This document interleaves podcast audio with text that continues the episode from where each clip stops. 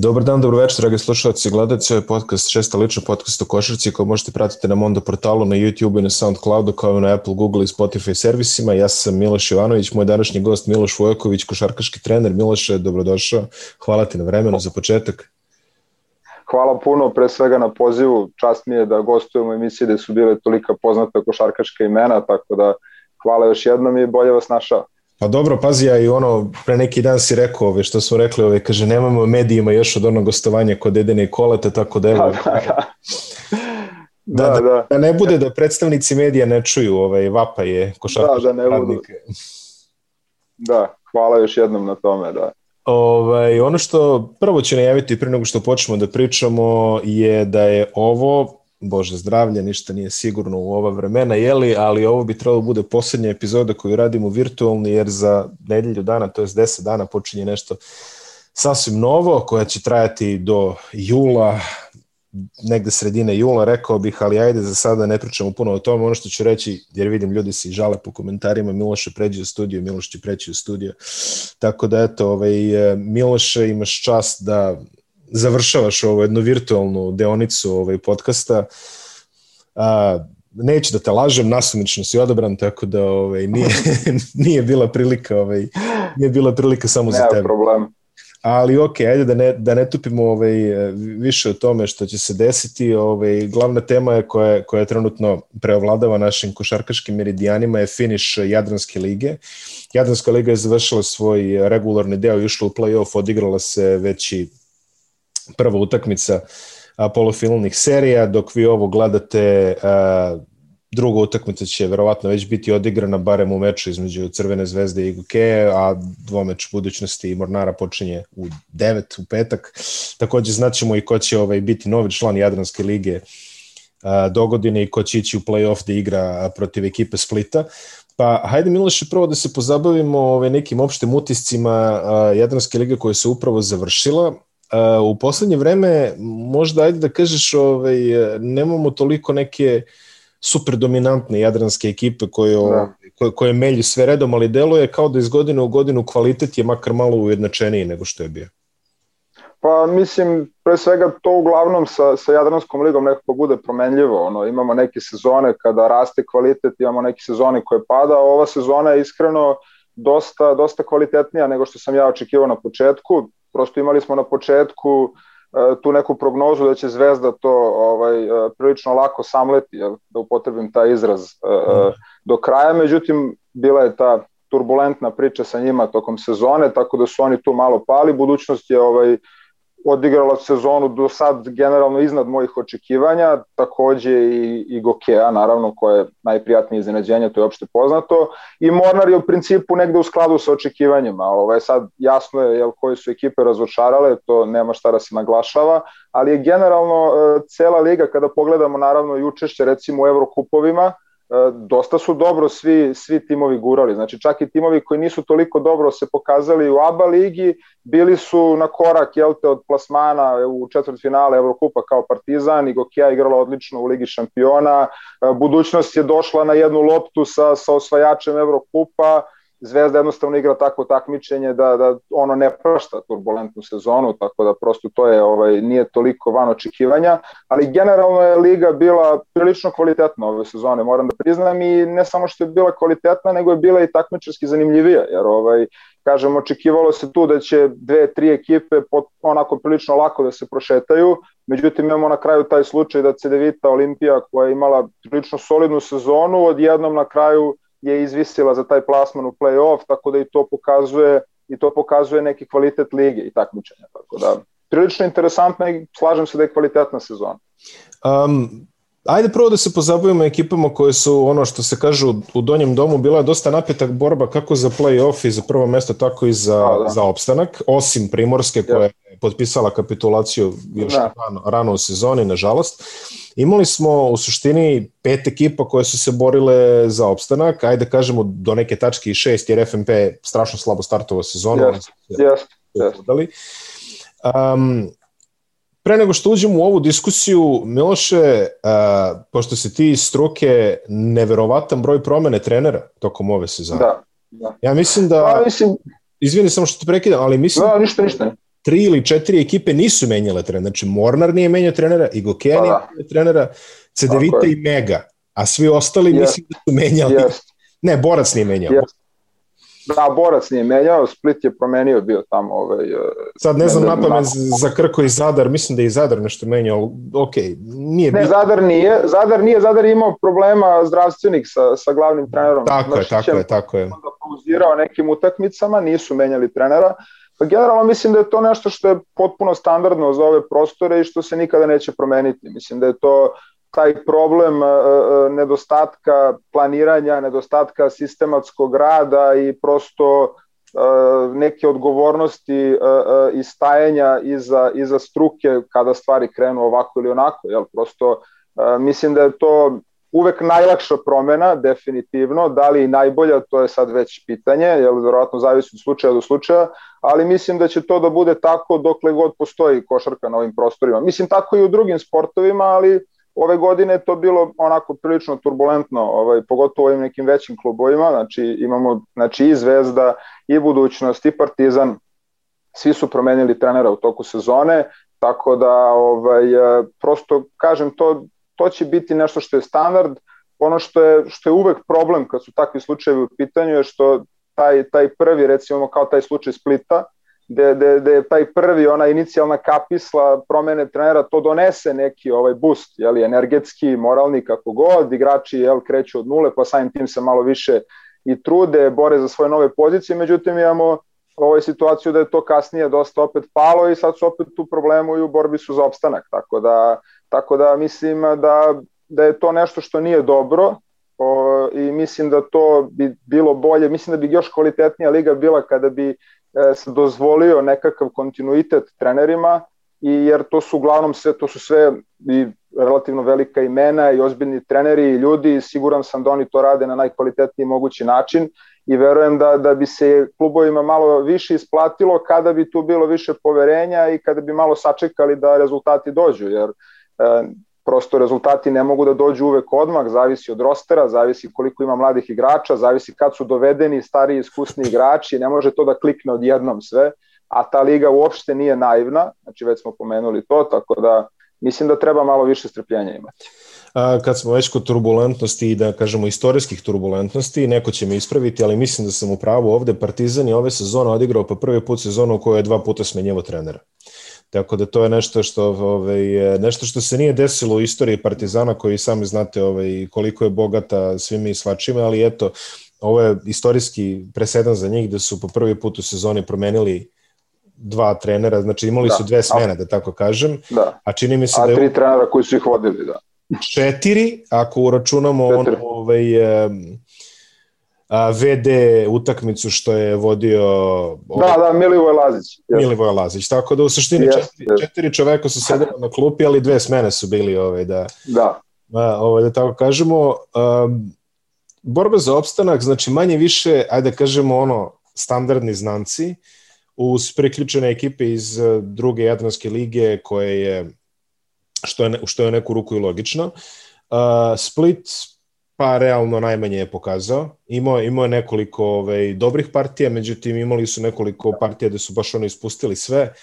A, Borac je opstao i opstaće na tom mestu zahvaljujući rasplatu da. u drugoj Jadranskoj ligi. Da, da, zbog ja sam na početku sezona prognozirao da će Zadar i Krka nešto lakše nego obično preživeti, to ipak nije bio slučaj, makar ne, ajde, što se Krke tiče, ali čini se da, da te ekipe stvarno ove, su onako baš dosta žilave, kada imaju dosta veliko iskustvo u, u borbi za opstanak. Cibona je recimo nešto lakše nego, nego obično došla do, do bezbednog uh, do bezbednog plasmana. Uh, kakva je perspektiva ovih ekip? Mislim, već dugo godina manje više ovaj donji dom Jadranske lige deluje skoro pa vrlo predvidiv. Isto, da. Zadar, Krku, sad su se priključili ovaj, Split i Borac, ok, ali imamo Zadar, Krku tu već ono godinama. Uh, i Cibona, boga mi, u poslednje vreme, FNP imao nešto slabiju sezonu, ali uh, dugoročno gledano, uh, kako može biti, šta, šta treba da se pogodi da bi neke od ovih ekipa mogle da se ovaj, takmiče za, za više plasmane?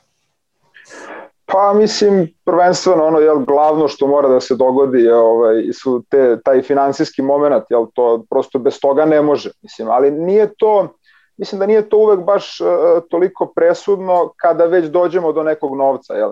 Većina ekipa, ako ne računamo ove najveće ekipe u ligi, nemaju oni sad ne znam kakve budžete. Znači, prosto poenta je u tome da se obezbedi barem taj neki uh, civilizacijski minimum, jel te, da, da može da, normalno da, da, da se izgura sezona. E, kada već dođe do toga, mislim da, da je ono što je neophodno da dođe do malo, ono što sam pomenuo malo prevezano za trenere, to je u principu ista priča, da dođe do malo sistematskijeg jel, rada, da se prosto neke stvari znaju napred i mislim da ono što je najveći problem za ove prostore da se bude malo realniji. Jer prosto ovde šta god da se uloži, čak i ako je to relativno malo u odnosu na, odnosu na prilike, očekuje se odmah da se prave neki veliki uspesi, odmah se gađa play-off, odmah se gađa evropska takmičenja mislim da je to potpuno e, besmisleno i nerealno, jer, jer ta nerealna očekivanja u startu onda stvaraju prosto pritisak koji ekipa i trener ne mogu da iznesu i onda prosto iz nečega lošeg idete u loše non stop. A, a izvini, da treba izvini pogotovo, da. pogotovo Zadar koji ima ovaj opterećenje da. još od pre ono Naravno, istorija, da. I sve to, tako da tek tamo je mogu, aj Split, mislim šta reći Split.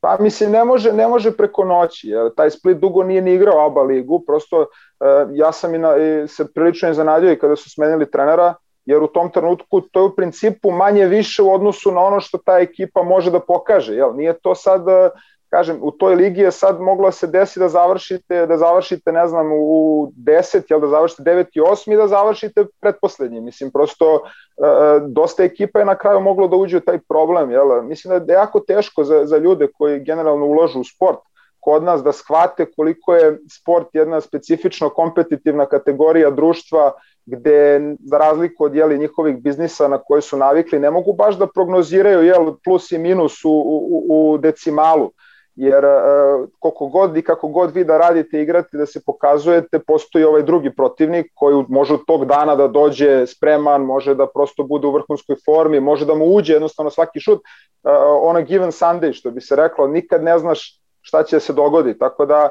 mislim da, da, da ta nerealna očekivanja E, prave veliki problem svima i mislim da je najbolji, najbolji put dotle krenuti umereno, korak po korak sa jednim stabilnim budžetom i sa jasnom idejom i planom šta hoćemo da radimo. Jel? Ako hoćemo da promovišemo mlade, onda ne možemo da očekujemo ne znam kakav rezultat. Recimo imamo ove godine Megu koja je napravila sjajan rezultat, ali to nije bilo planirano. Jel? To se desilo ove godine. Pa oni su, bili, dešava, eh. oni su bili u borbi za opstanak prošle sezone. Tako je. Znači, prošle, prošle sezone su bili, eh, o tome se radi. Znači, ne, e, e, ne možete vi sad, pogotovo kad imate mlađe igrače, da sad ono planirate sezonu, mi ćemo da budemo pet ili šesti. Ne, desila se sjajna sezona, svaka čast, ovaj, oni su možda i, i najkvalitetniji u košarku igrali što se mene tiče lično, ali, ovaj, ali moglo je da bude prosto i da u drugom smeru kao što je bilo proteklih sezona kada rezultati nisu bili baš toliko dobri, a imali smo opet one sezone kada su igrali finale ABA lige ali su oni uvek stabilni. Prosto to je razlika odnosu na ove ostale klubove. Kod njih se prosto zna šta hoće. Mislim da je to isto glavni problem e, što timovi generalno i klubovi ne znaju šta hoće. Jer, e, jer kada bi samo u startu procenili šta hoće, u smislu, hoćemo da promovišemo dva igrača, da bismo ih prodali, ili nebitno, NBA i šta god ako su taj potencijal, ili hoćemo da budemo kompetitivni maksimalno, ne interesuju nas mladi igrači, ali čak i ako je tako, dajemo prosto recimo dve, tri godine da to sve slegne, da taj klub prosto uh, dođe na taj nivo, jer ne može preko noći. Potpuno se slažem sa tobom i odmah će se nas dovezati jer ti puno radiš ovaj, uh, sa mlađim kategorijama. Ovo je neko pitanje ovaj, koje otprilike ovaj, često postavljam u ovom, u ovom podcastu i često razgovaram sa njime i sa, i sa kolegama novinarima i sa trenerima i sa igračima. Um, upravo si pričao o tome, ajde da, da napravimo koncept, kaže ovo hoćemo, ovo nećemo. Uh, i, I ti i ja smo iz, iz ove, ovaj, jednog košarkaškog podnemlja koje je dosta specifično po promociji mladih igrača ili je barem bilo u poslednjih 30-40 godina. U, u vreme kada sam ja bio mladić i ovaj, kada sam imao 17-18 godina, igrači koji koji se 19 godina već nisu standardni član 12 orke, da ne kažem da imaju rotacijske minute, bi se ove, ovaj, otpisivali već kao propali talenti. Sa 20 godina, ako nemaš minute u Zvezdi ili Partizanu, ti si već na putu za neki srem, uh, mislim, uz dužno poštovanje tim klubovima. No, no, razumem, razumem. I, i, ili, ili tako dalje. Sada smo ovaj, došli u situaciju da, da mladi igrač je igrač sa 22 godine, kao što je, na primjer, mislim, ono, ne znam, kod nas je Ognjen Dobrić i dalje nekako mladi igrač, ovaj, se, iako je 95. Yes. godište, ali ove, pomerili su se, mislim da je 95 sad na pamet, ali pomerili su se... 94. 94. Da. Pomerili su se standardi dosta drastično. I ovaj, sada, da li, da li smo mi negde skrenuli u, u našem radu ili, je, ili smo jednostavno imali nadrealnu sreću da nam se potrefe generacije tih koje su se stavale 80-ih, 90-ih, koje su bile toliko ispred svog vremena, da one sad opterećuju ovo što nam sad ne ilazi? Pa mislim da je više prvo. Činjenica je da smo, da smo imali stvarno neverovatne mislim, igrače i neverovatne talente i generalno je to bila u početku jel, ranije i veća država, pa je samim tim i generalno su bili dosta rigorozniji uslovi, drugačija je bila psihologija kod svih uključenih strana, znači kod trenera i kod saveza i kod klubova i kod igrača i njihove okoline, prosto bio drugačiji sistem, ali mislim ipak da je, da je više ovo prvo. Jer e, ja, ja ne vidim razloga zašto bi druge zemlje koje su uh, objektivno manje, manje investirane u košarku u svakom smislu i nisu ništa posebno talentovanije, nisu čak uopšte talentovanije, izbacivale više mladih igrača. Mislim da je a, opet uh, i taj problem mislim da je direktno vezan za tu stabilnost o kojoj sam govorio i, o, i vezan za to planiranje i da znamo šta hoćemo. Jel?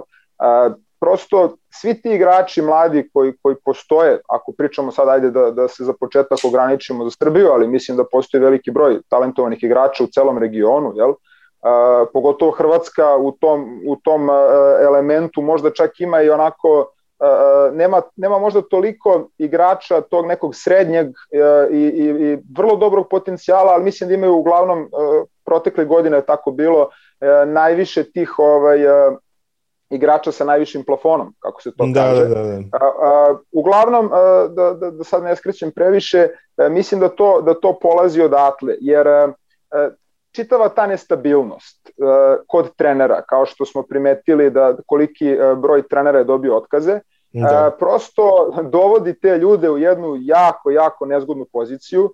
Mi nemamo danas trenere u ovom, a, na ovim prostorima koji imaju onako baš, baš, baš čvrst, e, čvrst odnos sa klubom. To je uglavnom sve na bazi danas jesi, sutra nisi.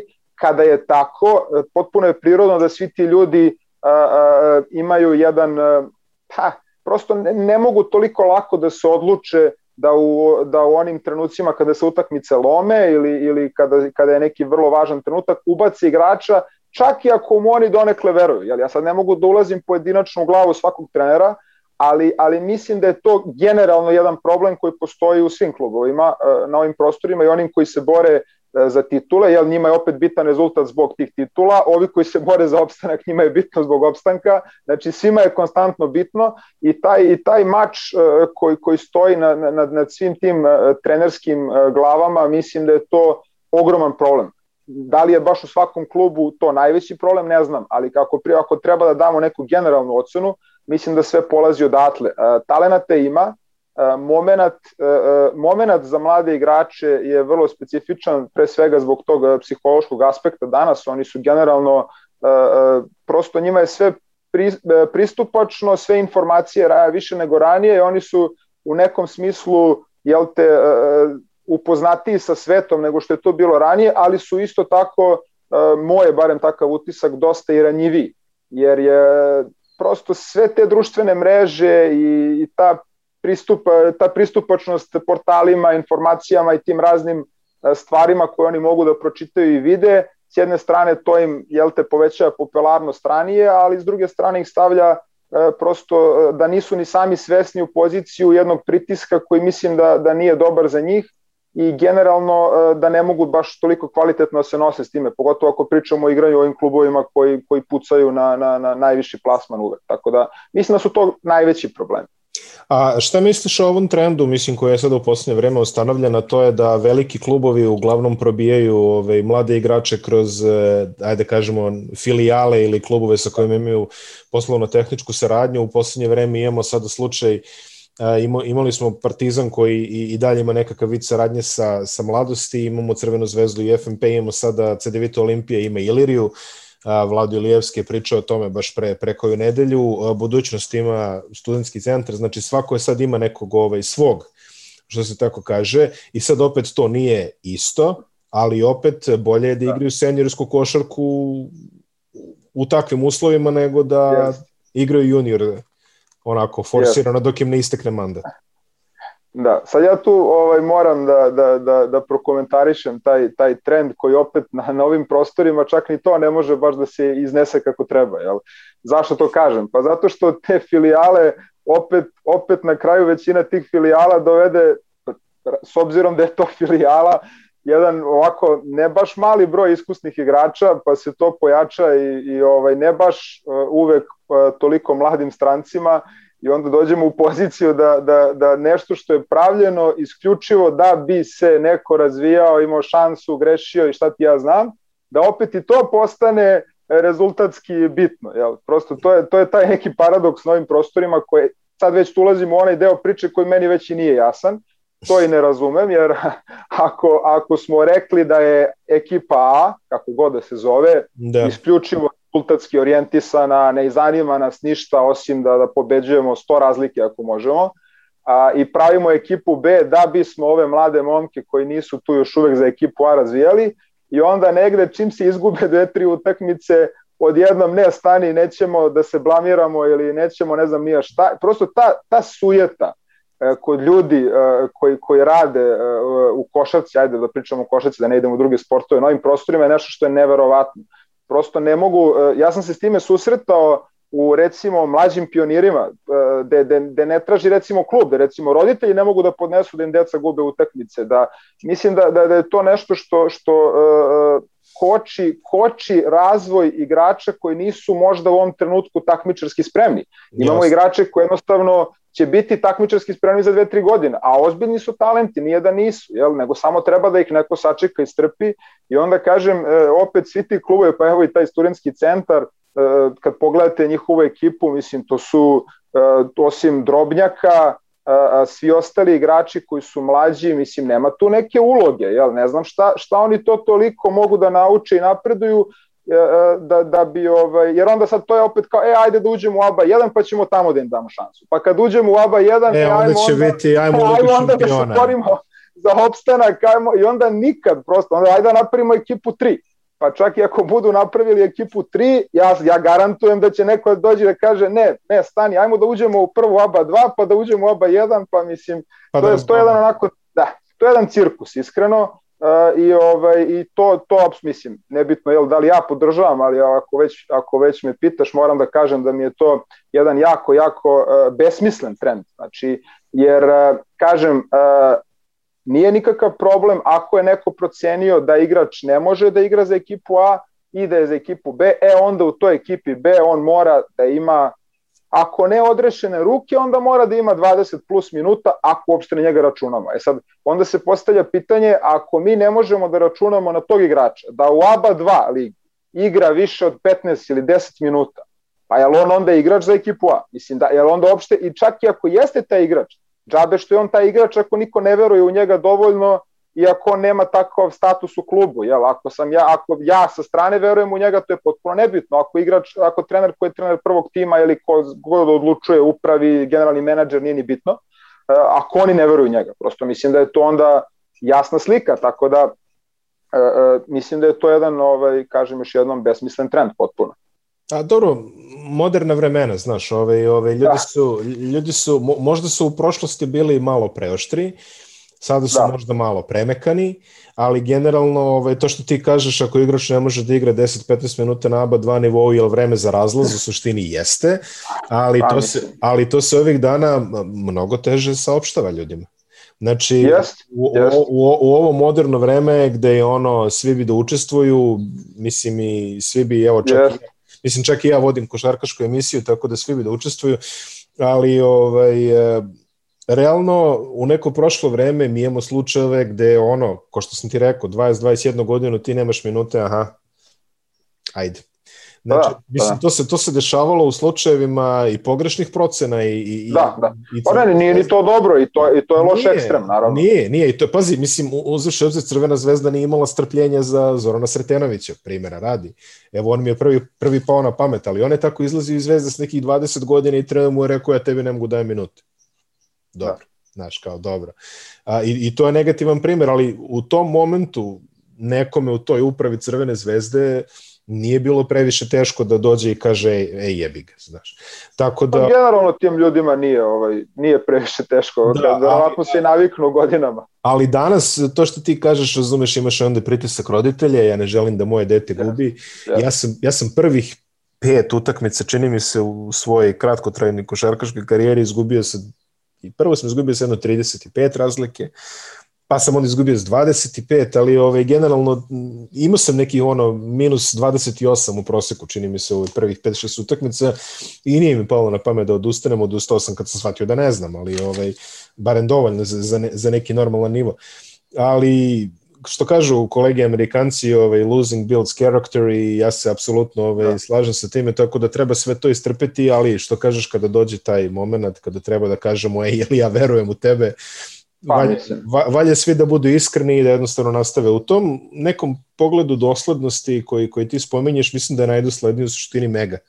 Jer oni, imaju, jer oni imaju vrlo jasan koncept, oni imaju vrlo Tako jasan je. ekonomski model izdržavanja i ono što se mene najviše sviđa kod Mege je kada uporediš Megu recimo sa onim starim FMP-om koji je imao sličan koncept, Uh, da. jedno što je meno što je meni smetalo kod FNP je što su igrači imali nekakvu ovaj, rotirajuću minutažu. Danas ti igraš 30 minuta, sutra Teo igra 30 minuta, preko sutra Aca Rašić igra 30 minuta i tako su nekako imali ovaj, to nešto. Međutim, kod Mege mislim da se vrlo jasno zna, ok, ovaj, ovaj, da, je, da, šef, da. ovaj je šef sale, ovaj i tako dalje i tako dalje i znači igramo njega, on će da igra, njega smo procenili što je po meni vrlo jedan ovako iskren, pozitivan i normalan model koji daje rezultate. Što možemo videti po broju igrača koji su dali u NBA-u i što možemo videti po broju ovaj, e, igrača koji će igrati reprezentaciju i, i, i ovaj, reprezentativne selekcije ako izlazi iz njihovog pogona, tako da Megu bi stvarno pohvalio za rad, iako to možda po mnogim ljudima, ajde kaže stare škole, nije po, po volji, jer e, jasan cilj kluba jeste egzistencija i promocija košarkaških talenata, A, mene se ipak sviđa to što rade i moram da kažem da grade vrlo dobro. A, to rade vrhunski, a, nema, tu nema priče. A takmičenje, mislim, Jub, Jub, ABA liga nije, da. nije propatila ovaj, kvalitetom zbog tog njihovog eksperimenta. Da, da. Nije najmanje. Šta više, čak suprotno. Tako, da. čak, čak suprotno. Tako da možda, možda je dobro pričati o, o, Megi sledeće koja je to napravila jedan drastičan zaokret, imali su promenu trenera po prvi put posle mnogo. Da, li da, pa, deset, ono.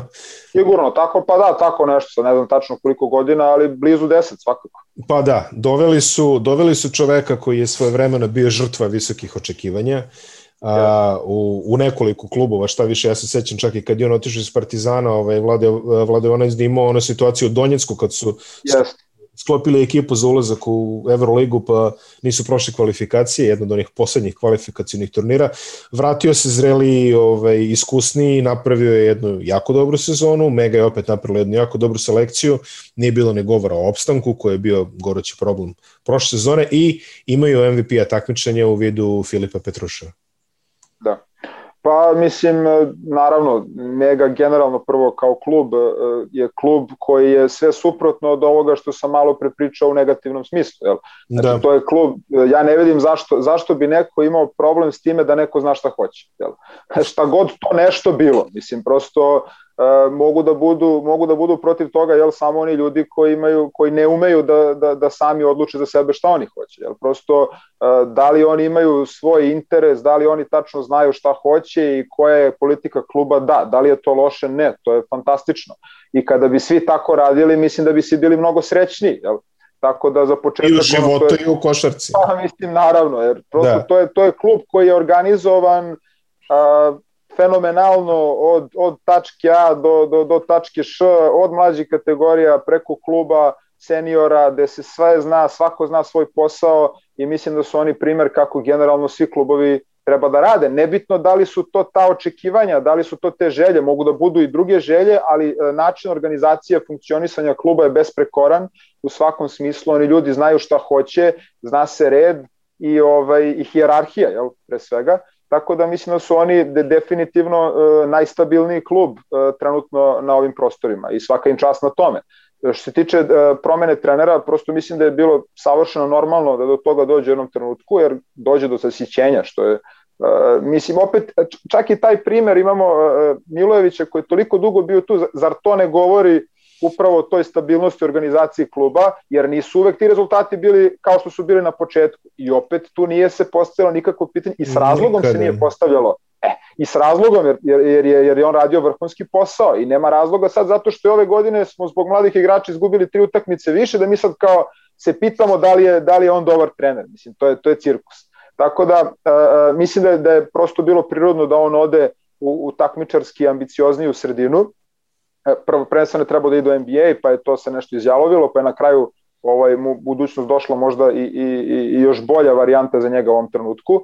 I došao je uh, trener koji, koji je uh, umeđu vremenu, jel, prosto posle tih epizoda Partizan pa Donjeck, uh, mislim da, da ljudi nisu svesni uh, koliko je, koliko je uh, Jovanović radio na sebi u smislu, jel, on je otišao u Rusiju, on je radio dugo u Rusiji, uh, vodio je reprezentativne mlađe selekcije sa fantastičnim uspehom i onako mislim da je došao baš onako gladan uh, i spreman za, za, da ne kažem baš osvetu, jel?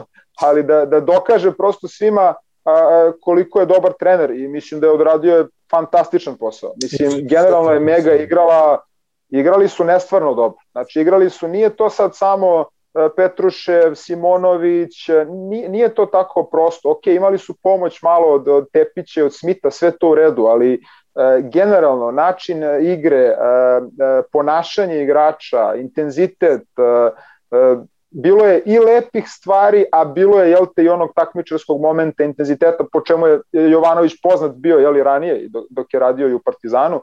Tako da mislim da su oni oni su pun pogodak i ovaj ja sam ja sam stvarno uživao ove godine gledajući Megu u ABA ligi. O Filipu Petruševu individualnim partijama, da. šta tu reći, mislim? Zasluženi pa da. MVP. Pa mislim, ja moram da dam ovaj, e, na početku sezone, e, e, prosto ja Petruševa pratim jako dugo. Pogotovo to je, to je bila recimo ta generacija, tad sam radio ovaj, više kao scout i kad su se pojavila ta generacija 2000, to znači to su kopri, kao ta tri centra jel, sa velikim potencijalom Srpska, to su Koprivica koji je sad izlazi na draft, koji je bio sad na Florida State-u, Pecarski koji je ugodno provao u FNP-u i ovaj Petrušev. Jel i oni su oni su ušli sa 99 eh, generacijom u reprezentaciju još tad i, i on je ovaj tad je bio u Baskonji još uvek i on je uvek je uvek je bio jako jako interesantan igrač eh, i ono što je naj najzanimljivije vezano za njega je što je na svim nivoima. Znači on je igrao u Baskonji on je onda otišao tamo onaj Avon srednja škola pa je prvo trebao da ide na Hartford pa je na kraju otišao na Gonzagu. On je na kraju znači i Gonzaga i evo sada Mega prosto nema nema sredine u kojoj on nije bio odličan. Da. I, I ono što je, što, je, što je sjajna stvar vezano za njega je što je recimo napad bio generalno njegov uh, nedostatak recimo u mlađim kategorijama. On je mnogo više bio, on je imao izuzetnu prokretljivost, sjajnu visinu, koordinaciju, bio je izuzetno koristan igrač, ali on njegov napadački repertoar je bio, da ne kažem limitiran, ali, ali recimo pogotovo u odnosu na Pecarskog koji je bio ovaj ofanzivno potentan igrač od kad se pojavio, a, ali je recimo e, Petrušev e, toliko napredovao u tim elementima napadačkim da je to fascinantno i, i na početku ove sezone sam negde ja mislim na Twitteru napisao da, da, da ovaj, očekujem da on bude pik e, Lutrije gde mi je neki, ne, ne znam ni odakle, neki stranac, neki stranac mi je napisao da, da, da zbog toga nikad neću biti scout u NBA ligi, ovaj, uh, pa, pa da vidimo, ajde, da vidimo na kraju na draftu gde će da bude biran Petrušev i gde god da bude biran kako će prođe u NBA ligi, a ja mislim da će da prođe dobro. Mislim da, mislim da, da Lutrija se neće desiti, iskreno, ali ovaj, on onako diže se polagano. I opet to je neki efekat Mege, jer ljudi sada na Megu gledaju kao, mislim, znaš, kad izađeš kao, kao igrač iz Mege, to je kod da si izašao sa Djuka otprilike u očima ovaj, Pa da, pa da. U, u očima skauta. A trenutne projekcije za, za Filipa Petruševa su negde kraj prve runde, što je opet dosta dobro, jer recimo prošle godine je bio ono, uglavnom se licitiralo sa njime kao nekim pikom srednje kasne druge runde, onda se pomerio u početak druge runde i sada je već nekako ono da kažeš ovaj, kraj prve. A, za, za Filipa predstoji jedan jako zahtevan period, a to su oni pre-draft uh, workouti, da. intervjui i, i, i tako dalje. Što se intervjua tiče, imao sam priliku da razgovaram sa njim u ovom podcastu, ovaj, ne verujem da ćemo nešto naći kao zamirku, a, on prikazuje zaista zavidan nivo uh, socijalne inteligencije za svoje, za svoje godine i ovako ovaj, dosta je, jel da kažeš, razborit, elokventan dečko, što je verovatno i posledica tih mnogobrojnih internacionalnih iskustava, yes. 15 godina otišao da živi u, u Vitoriju. Uh, svako mu želim sve najbolje i mene izuzetno ovaj, zanima šta će ono raditi u na NBA draftu, ukoliko se uglavi u prvu rundu, što je sada već očekivano, ja očekujem da će on otići i odmah i ostvariti angažman odmah. A što se tiče napretka koji se spomenju, dovoljno je reći da je on nije bio previše poznat kao neki šuter sa distance. Ove godine on šutira 42% za 3 poena da. na skoro 3 pokušaja, što je opet, e, kažem, u Megi su dobro znali šta da radi sa njime. A, iz, izašlo je na obostranu korist, on je postao MVP, ekipa je stvarala dobar učinak, tako da eto, jedna ovaj, zaista srećna priča ove sezone. Pa ne, ali tu samo, samo izvini, ovaj, tih 42%, ovaj, prosto tu dolazi do izražaja to, to poverenje kluba u igrača. Da. Jel? Da, da, da. Jer, jer e, on bi imao dozvolu da šutira i da je krenuo sa 15%. Jel? Yes. E, to, to, je, je. To, je, to je nešto što, što treba da bude nauk ostalima. Jel? Eto, samo jest, jest, jest. Zaista individualno sjajna sezona, 20 i skoro 4 poena u proseku, skoro 8 skokova u proseku, 40% za 3, 42, 60 nešto posto za 2 Uh, odlična sezona u svim statističkim kategorijama i zaista, da kažemo, zaslužen MVP. Pre nego što odemo na malo dalje da, da spomenemo i druge nagrade, a to su defazivni igrač godine Branko Lazić i trener godine Dragan Bajić. Uh, pogotovo mi je drago ovaj, zbog, zbog Bajića koji je stvarno, da. mislim da je dugo vremena bio, bilo je takmičenje među njega i Golemca, Golemac je na kraju iskliznuo iz play-offa, tako da Bajić, da. Pajić zasluženo dobija nagradu jer i, yes, i, i, u slučaju, i u slučaju Goke, kao i u slučaju Mege, desio se jedan veliki preokret, rezultatski u odnosu na prošlu sezonu i oni su takođe jednu nestabilnu poziciju u ligi pretvorili u playoff mesto. Da. Sla, slažem se apsolutno, nema tu šta mnogo da se priča, potpuno zaslužena e, nagrada za, za trenera godine, mislim da tu nije bi prvenstveno on je jedan od redkih koji je počeo i završio sezonu, to pod broj 1, a pod broj 2 E, stvarno, mislim, sezona iznad očekivanja, nije to neozbiljan sastav daleko od toga, ali prosto, mislim, jel, e, imaju i drugi neke prilično solidne sastave, pa to ne ispadne tako dobro. E, bili vrhunski kompetitivni od početka sezone, neki igrači koji su do sad bili na margini u jadranskim dešavanjima su ono, dosta porasli, imali odlične sezone, poput Jošila recimo, tako da Uh, mislim da je, da je čovek izvukao maksimum maksimuma iz te ekipe i ja mislim da na kraju krajeva to i suština trenerskog posla da izlačiš maksimum tako da uh, svaka čast i njemu i klubu i apsolutno zaslužen. Um, pričali smo o velikim očekivanjima i o pritiscima i svemu tome što se dešava i samim time ove, ovaj, sledeća sezona za KK Partizan će biti dosta interesantan test kako će taj koncept izgledati. Oni da. su mnogo toga promenili. Uh, Uh, promenili su i sportskog direktora između, između ostalog i ovaj, uh, Zoran Savić je proslavljeni naš reprezentativac da, i višestruko nagrađivani igrač, evropski šampion sa jugoplastikom i kinderom i čovek koji je ostvario stvarno velikog igračkog traga u ne samo regionalnoj, već i evropskoj i svetskoj košarci je sada novi prvi čovek tamo, promenili su neke strukture, imaju dosta toga novoga i ovaj, bit će izuzetno zanimljivo posmatrati Partizan sledeće sezone. Naravno. I pogotovo ako pogledaš sada kadar, jer ti ako sada pogledaš sastav Partizana realno, ko može da ostane? Vrlo malo njih. Oni što su ostvarili neke dobre uloge će verovatno imati ponude sa strane. Meni je nerealno da, da, da Marcus Page, na primjer, koji ostane i četvrtu valjde sezonu u Partizanu, ali ajde, ok, može se i desi.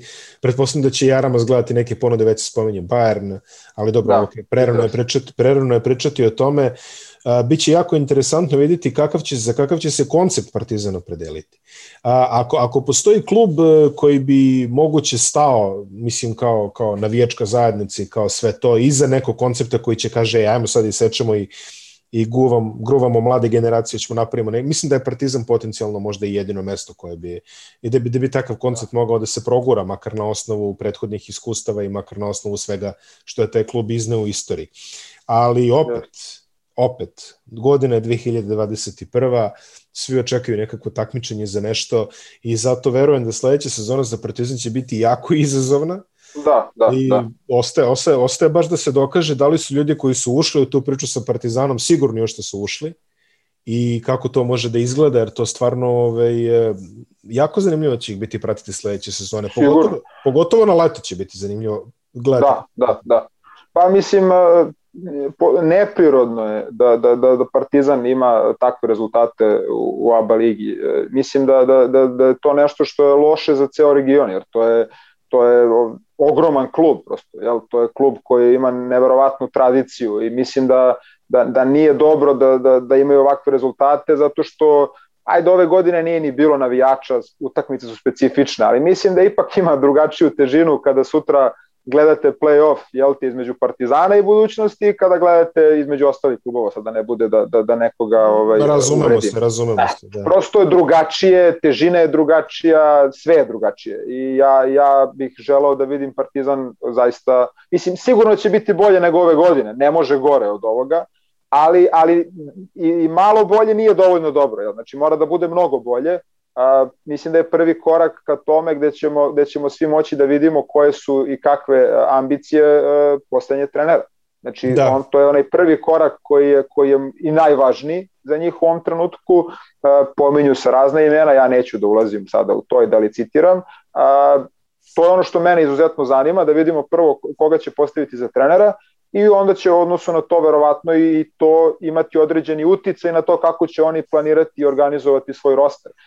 za njih, oni recimo su proteklih nekoliko godina se dosta pomerili na gore što se tiče, mislim u napred, jel, u smislu da je bolje. Jel, ne, da, da, da, da, da, na, na više. Da ne bude da nisam, da, da, da, na više, da, da ne bude da sam ovaj, ne, nejasan postao. A, što se tiče rada sa mlađim kategorijama, dovođenje igrača, znači doveli su ovaj veći broj uh, mladih igrača, dobrih, kvalitetnih mladih igrača u klub i, i i tu ima nekog potencijala da oni ovaj kao što su neki jel veći zakucali na vrata prvog tima kako se to kolokvijalno kaže i mislim da tu ima potencijala. Problem za njih će da bude to što oni stvarno nemaju taj luksus da sledeće godine se igraju i kockaju sa bilo čime Tako da će to možda biti malo izazovno za, za te mlađe igrače, ali kažem, ajde da vidimo prvo ko će da bude trener, jasno je da su im ambicije sledeće godine play-off, kogod da bude trener, to nije ništa sporno, i da vidimo ko će, jel, e, kao što si pomenuo, od ovih igrača koji su trenutno tu da ostanu. Ja, ono što moram da istaknem, jel te, je da, je da e, mislim da igrači određeni koji su ove godine imali jednu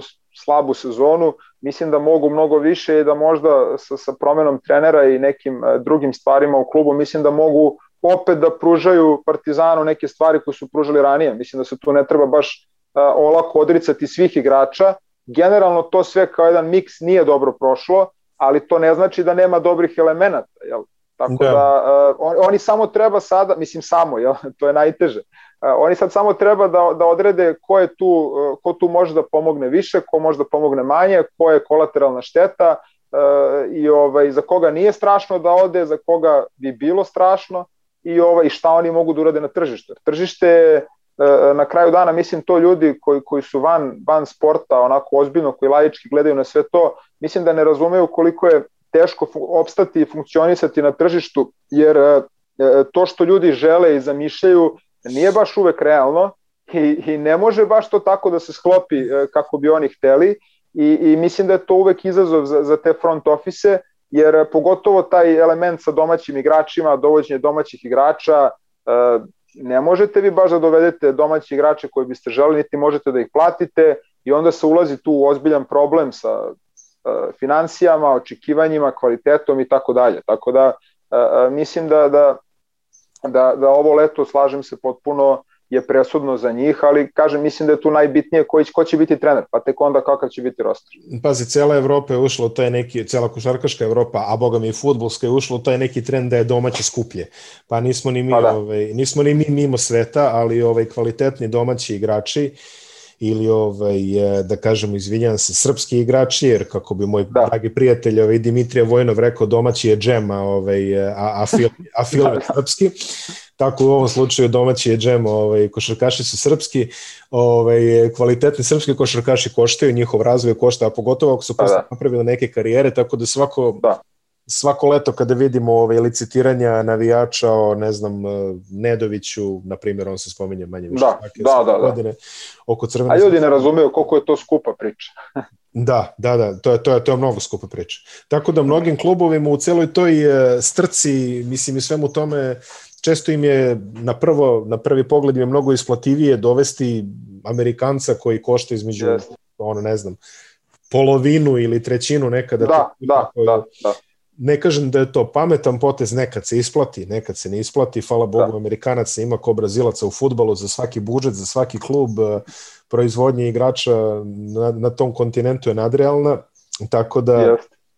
ovaj, svako, svako određuje šta mu, je, šta mu je na pameti i, i kako se uklapa u tom momentu u budžet. Slažem se s tobom, dosta, dosta kompleksna tema. Uh, A, što se Partizana tiče, jedno trenersko ime se pominje glasnije od ostalih, naravno radi da. se o ovaj, bivšem selektoru Aleksandru Đorđeviću koji i dalje pod ugovorom u, u da. Virtusu, ovaj, njegov status je još uvek ne komentariše, ukoliko dođe do nekakvih promena, verujem da ćemo brzo saznati o čemu se radi.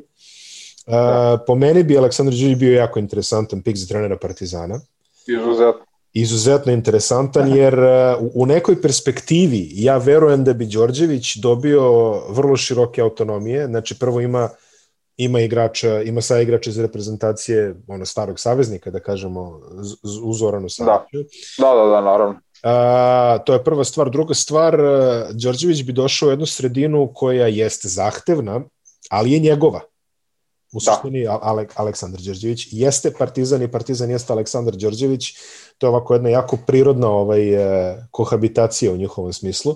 I onda ne bi on bio baš uh, pod istim... Na meti tek tako, da. Pa da, ne, da. ne, ne, ne bi on bio na meti tek tako. Mislim, kredit Aleksandra da. Đorđevića sa pravom je ogroman u ovoj državi i on bi, ovaj, pogotovo u Partizanu, i on bi to mogao na tenane da koristi, da bi eh, razvijao svoju viziju koju sigurno nije mogao da razvije za šest meseci u Virtusu ili, ili, u, ili u Bayernu ili u Panathinaikosu da. još, još gore. Uh, Da. E, tako da potencijalno to bi bila jako interesantna priča za Partizan, ali ajde pričamo o tome kada se to eventualno jednog dana i desi. I sada možemo da kažemo i reč dve o prvim utakmicama play-offa koje su odigrane. E, u prvom terminu Crvena zvezda je pobedila Igu Keu posle jedno ovako dosta mučnog prvog polovremena i mnogo boljeg drugog po Crvenu da. zvezdu, a budućnosti u jednoj ovako lepršavoj, malo dinamičnoj utakmici ovaj, pobedila Mornar. A, koji su tvoji utisci sa ova dva meča nakon ovako na prvo gledanje? Da, Pa mislim, u principu to je ono što je očekivano. Jel? Znači, očekivano je da ovaj, da ovaj, dvom, da ovaj meč između Zvezde i, i Gokeje bude onako malo tvrđi jel? I, i, i ružniji, što bi se reklo, a da recimo budućnosti Mornar igraju na više poena, prosto jako je teško igrati s Mornarom drugačije, jer način njihove igre, jel, broj poseda koje oni imaju u toku utakmice, e, e, brzina kojom oni završavaju svoje posede prosto tera i protivnika da i on ima jel, te više poseda na utakmici i generalno u tom tempu teško je da se igra utakmica na 65-62, mislim, gotovo je nemoguće, jel? Pa ne, da, neprirodno. Da, da, pa to, mislim, znači, uh, Mornar je taj uh, koji, koji tim stilom igre prosto diktira da utakmice idu u potpuno drugačijem smeru. Znači tu nema ceđenja poseda, tu nema čekanja, to je sve onako na bum i to nekad bude fantastično, nekad, nekad ode u neku slabiju utakmicu, ali generalno je ta serija očekivano da ide u tom smeru. Što tiče, što tiče ovaj zvezde, što tiče zvezde i Gokeje, ja sam već on, on, pričao na tu temu, mislim da je, da je, da je ovo maksimum koji je Radonjić mogao da izvuče iz Zvezde u trenutku u kom je on došao. Ja sad znam da, da je relativno veći broj ljudi komentariše kako je to već i nije toliko malo vremena, kako je to, do, ja ne znam zašto je dovoljno vremena, da, da se sklopi uh, jedan sistem uh, ekipe mislim da je apsolutno nedovoljno vremena, pogotovo što je čovek imao e, da igra Euroligu sve vreme uz ABA ligu, u ABA ligi ogroman imperativ pobeđivanja, ok, protiv ovih slabijih ekipa to nije toliko teško išlo, ali treba pobediti i ove veće. Imali smo ove ovaj, uh, utakmice protiv CDVita Olimpije koje su bile, moglo je da ode i ovako i onako, mislim, to je prosto pogotovo ona u Beogradu utakmica koja je bila koju ne, ne znamo kako je otišla. Ne, ne viđena ovaj, utakmica. Ne, ne, ne viđena, da, da, to prosto, ovaj, ajde da, da kad moram i to da pomenem, a, prosto mislim da je, da je ovo maksimum maksimuma a, i, i ne može niko da očekuje od, od Zvezde do kraja sezone i u završnici ABA ligi i sutra u završnici Super lige, da, da tu sad bude neke lepršavosti, da tu bude nekih utakmica kao što ti igraju u budućnosti i Mornar. Naravno očekujem, očekujem da Zvezda i prođe, ali mislim da, da, da mogu da, da bude problema tamo i u Aleksandrovcu i onda opet nazad, jer i Goke ih je namučila, dobili su ih onu prvu utakmicu, uh, mislim da je to čak bila možda i prva Radonjićeva, yes. tako nešto. O, prva Radonjićeva utakmica. Su, da. Razbili su. Uh, onda ona druga isto pobeda, druga utakmica njihova u regularnom delu je bila skoro identična kao ova, samo što je bilo još teže. Znači, ranije, još ranije se ovde Zvezda odlepila, tamo je bilo još teže do samog kraja i generalno znači tendencija je u sve tri utakmice je Igokija pravila ogromne probleme Zvezdi, tako da očekujem da, da, da ne bude baš lako do kraja, ali očekujem da Zvezda prođe. Uh, nego eto prosto moram da se dotaknem uh, tih uh, očekivanja od Zvezdi i onoga što se dešava sa njima, mislim da da s kim god da budu igrali u finalu, osim ajde možda s Mornarom, jer kažem taj, taj trend e, igranja njihovog je takav da, da nameće određeni stil utakmice, ali opet očekujem da budućnost prođe, jel? kao što očekuje i Vranješ. Ovaj, očekujem da budućnost prođe u finale, e, tako da to je to. Kažem, što, što se tiče budućnosti Mornara, generalno oni, oni recimo, e, e, ljudi ovde možda ne prate toliko, onda posle one završnice u crnogorskom prvenstvu, to su uvek utakmice, to je čudo Božije. Čak i one sezone kada su osvojili ABA ligu, Mornar je Mornar je bio šampion Crne Gore. Da. Da, da. I ove, ja sam samo gledao te utakmice, znači, to su utakmice potpuno ludilo, to je na, na, na, na jednu loptu trojke sa, sa 8 metara u završnicama napada, znači to su stvarno kvalitetne, izuzetno zanimljive utakmice za gledanje, tako da uvek je to između budućnosti i Mornara interesantno, ali mislim da, da, da je trenutno budućnost ipak, uh, ipak dovoljno, dovoljno bolja od Mornara da to završi, ali ako se opet desi da u, da u baru sad dobije Mornar, ona posljednja utakmica, to je ono što je nezgodno recimo kad igrate protiv ekipa kao što je Mornar. Jako je teško skautirati i spremiti se za njih, jer ok, vi skautirate u smislu, vi znate da će Pulen da šutira, će Vajke da šutira, vi to sve znate, ali kada igrate protiv ekipe koja ima ta, ta, tu količinu samopouzdanja, jer njima može da se desi da otvore s 10 trojki utakmicu, bukvalno, to nije nemoguće nešto. I onda totalno raste cela ekipa kao kvasac, odma je druga energija, e, tebi pada energija, ulaziš u neku nervozu, prosto e, taj stil igre e, ti stvara nervozu kao treneru i kao igračima, jer, jer ti ne znaš, oni nisu normalni, ono, ti ne znaš šta će oni da urade. Ono, nije to, pa ne, ne znaš. Pa to nije ono sad, većina ekipa, kad, kad gledate te profesionalne ekipe, tu se ono tačno zna e, ko sme, ko ne sme i to olakšava tebi posao kao treneru. Ti znaš da tamo igrač, ne znam, tamo neki broj 7, on neće šutnuti više od tri puta, makar bio sam celu utakmicu. Vi odavde ne znate odakle vam preti opasnost, ovi šutiraju u trećoj sekundi, e, šutiraju sa 8 metara, preko ruke, sam, znači prosto i sad ok, ti računaš da će to sve negde da izađe iz obruča, da ćeš ti da pokupiš sve to u redu, ali šta ako ne izađe? A šta ako ne izađe, da. E, taj jedan dan može da se desi da sve to uđe i ti ne možeš da ih pobediš, nema šanse. Ti onda moraš i ti da pogodiš sve i tako dalje i tako dalje. Tako da jedna izuzetno neugodna ekipa za bilo koga i tako igraju već godinama, samo što je sada kvalitet mnogo viši odnosu na one prve sezone Mornara. Oni nisu mnogo menjali u smislu Koncept. stila igre, samo što je, eh, da, samo što je tad Voler bio taj koji je ono uh, license to kill, a sada recimo drugi igrači koji su objektivno kvalitetniji od njega to isto imaju. Sad, ne, ne bih volao da sam u koži bilo kog trenera koji mora da se sprema za Mornar. Pa, spremaš se za sve drugim rečima. Pa da. znači, kratko i jasno. Kratko i jasno, spremaš se za sve. Samo par stvari o Dejanu Radniću, ti si lepo rekao, ovaj, nije, nije dovoljno vremena. Dejanu je trebalo bezmalo da. dve godine da mu legne stvari Tako je. treba prošli put. A ja se sećam iz razgovora sa njime, sećam se sezona 2000 16 na 17, to je ona prva velika evroligaška sezona, kada je bila ona redovna evroliga, da kažeš, bez ovih da. top 16 fazi i tako dalje. I Crvena zvezda otvara fantastično u Jadranskoj ligi, otvara jako dobro u, u, u Euroligi i ja mislim da sam čak bio na treningu Crvene zvezde i pričam sa, sa Dejanom i, i, i kažem kao, pa dobro ide, znaš, kao, o, znaš, na njegovu, ono, Pa, da, da, da, da. Dobro, kao, pa kao šta ne valja? Pa kaže, ne treniramo dovoljno. Kaže. Ne, nemamo, nemamo vremena, nemamo vremena da postavimo kvalitetan trening. Kaže, danas smo u Kazanju, pa smo na aerodromu, pa sutra Cibona, pa ovamo, onamo, ja nemam kad da treniram igrače. Jer da. ovaj, kod Dejana zna se, trening je apsolutno ovaj, baza, osnova svega, tako da u, u momentu koji se sada otvorio, a to je da Crvena zvezda ima taj luksus da trenira tri dana, četiri dana bez opterećenja putovanja, bez opterećenja a, odlaska na egzotične destinacije, pogotovo u ovom COVID režimu i tome slično. Sada očekujem da Crvenoj zvezdi neće leći stvari naravno apsolutno do kraja, zato što da. roster nije selektiran onako kako bi ga Dejan Radonjić selektirao i neke stvari tu nisu na mesto kako bi ih on postavljao ali očekujem da Crvena zvezda poraste u formi e, i to se dešava ako pogledaš poslednjih nekoliko kola Jadranske, yes. znači, bukvalno kako je Euroliga prestala da se dešava, Crvena zvezda je počela da raste u formi. A, verujem da verujem, verujem da će proći i Gokeu i verujem da će biti zanimljivo finale, što kaže ovaj Vranješ protiv, protiv budućnosti.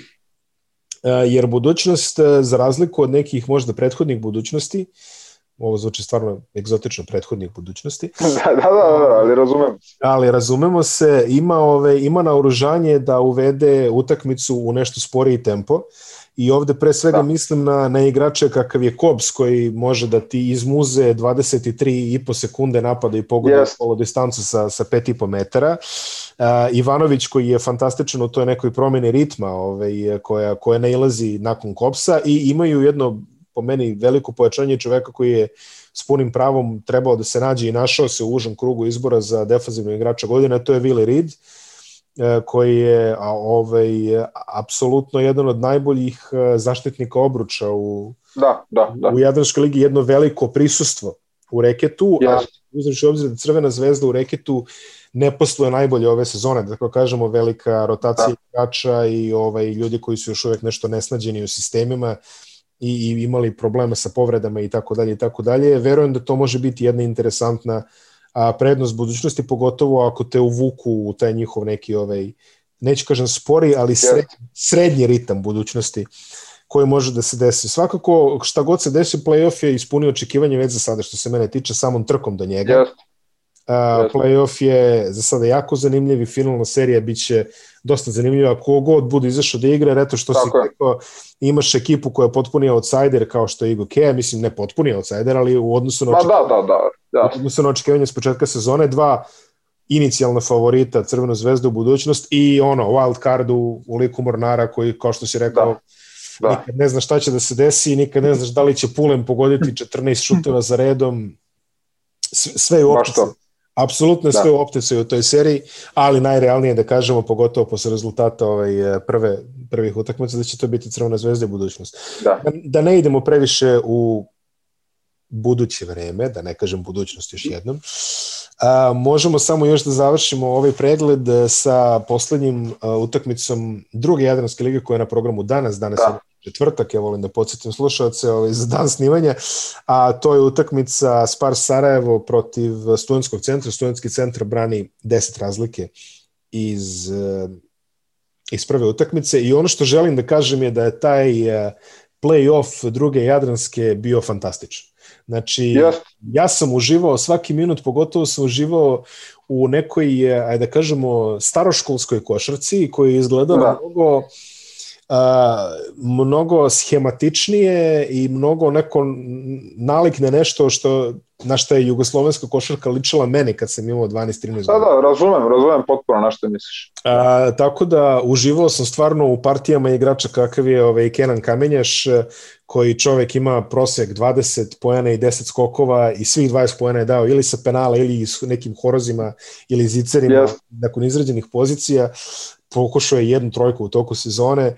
Uživao sam gledajući ovaj, uh, Nenada Trajkovića i Mija Kadiju kako ovaj, ono, se taktički nadmudruju, da. bilo je, bilo je dobrih partija, bio je stvarno dobar i kvalitetan playoff i ovaj sistem sa ovom starom FIBA razlikom. Da, da, da, ovo, isto na jako, poene. Na poene, na poene, je isto da. jako interesantan. Imamo sada završnicu, a, delo je da je studentski centar stvarno favori, 10 razlike u ovakvom sistemu, mada, ok, Spars umeju da iznenade, ali delo je da će studentski centar u prvu Jadransku, a da će, da, Sparsu, da. To, a da će Sparsu to doigravanje.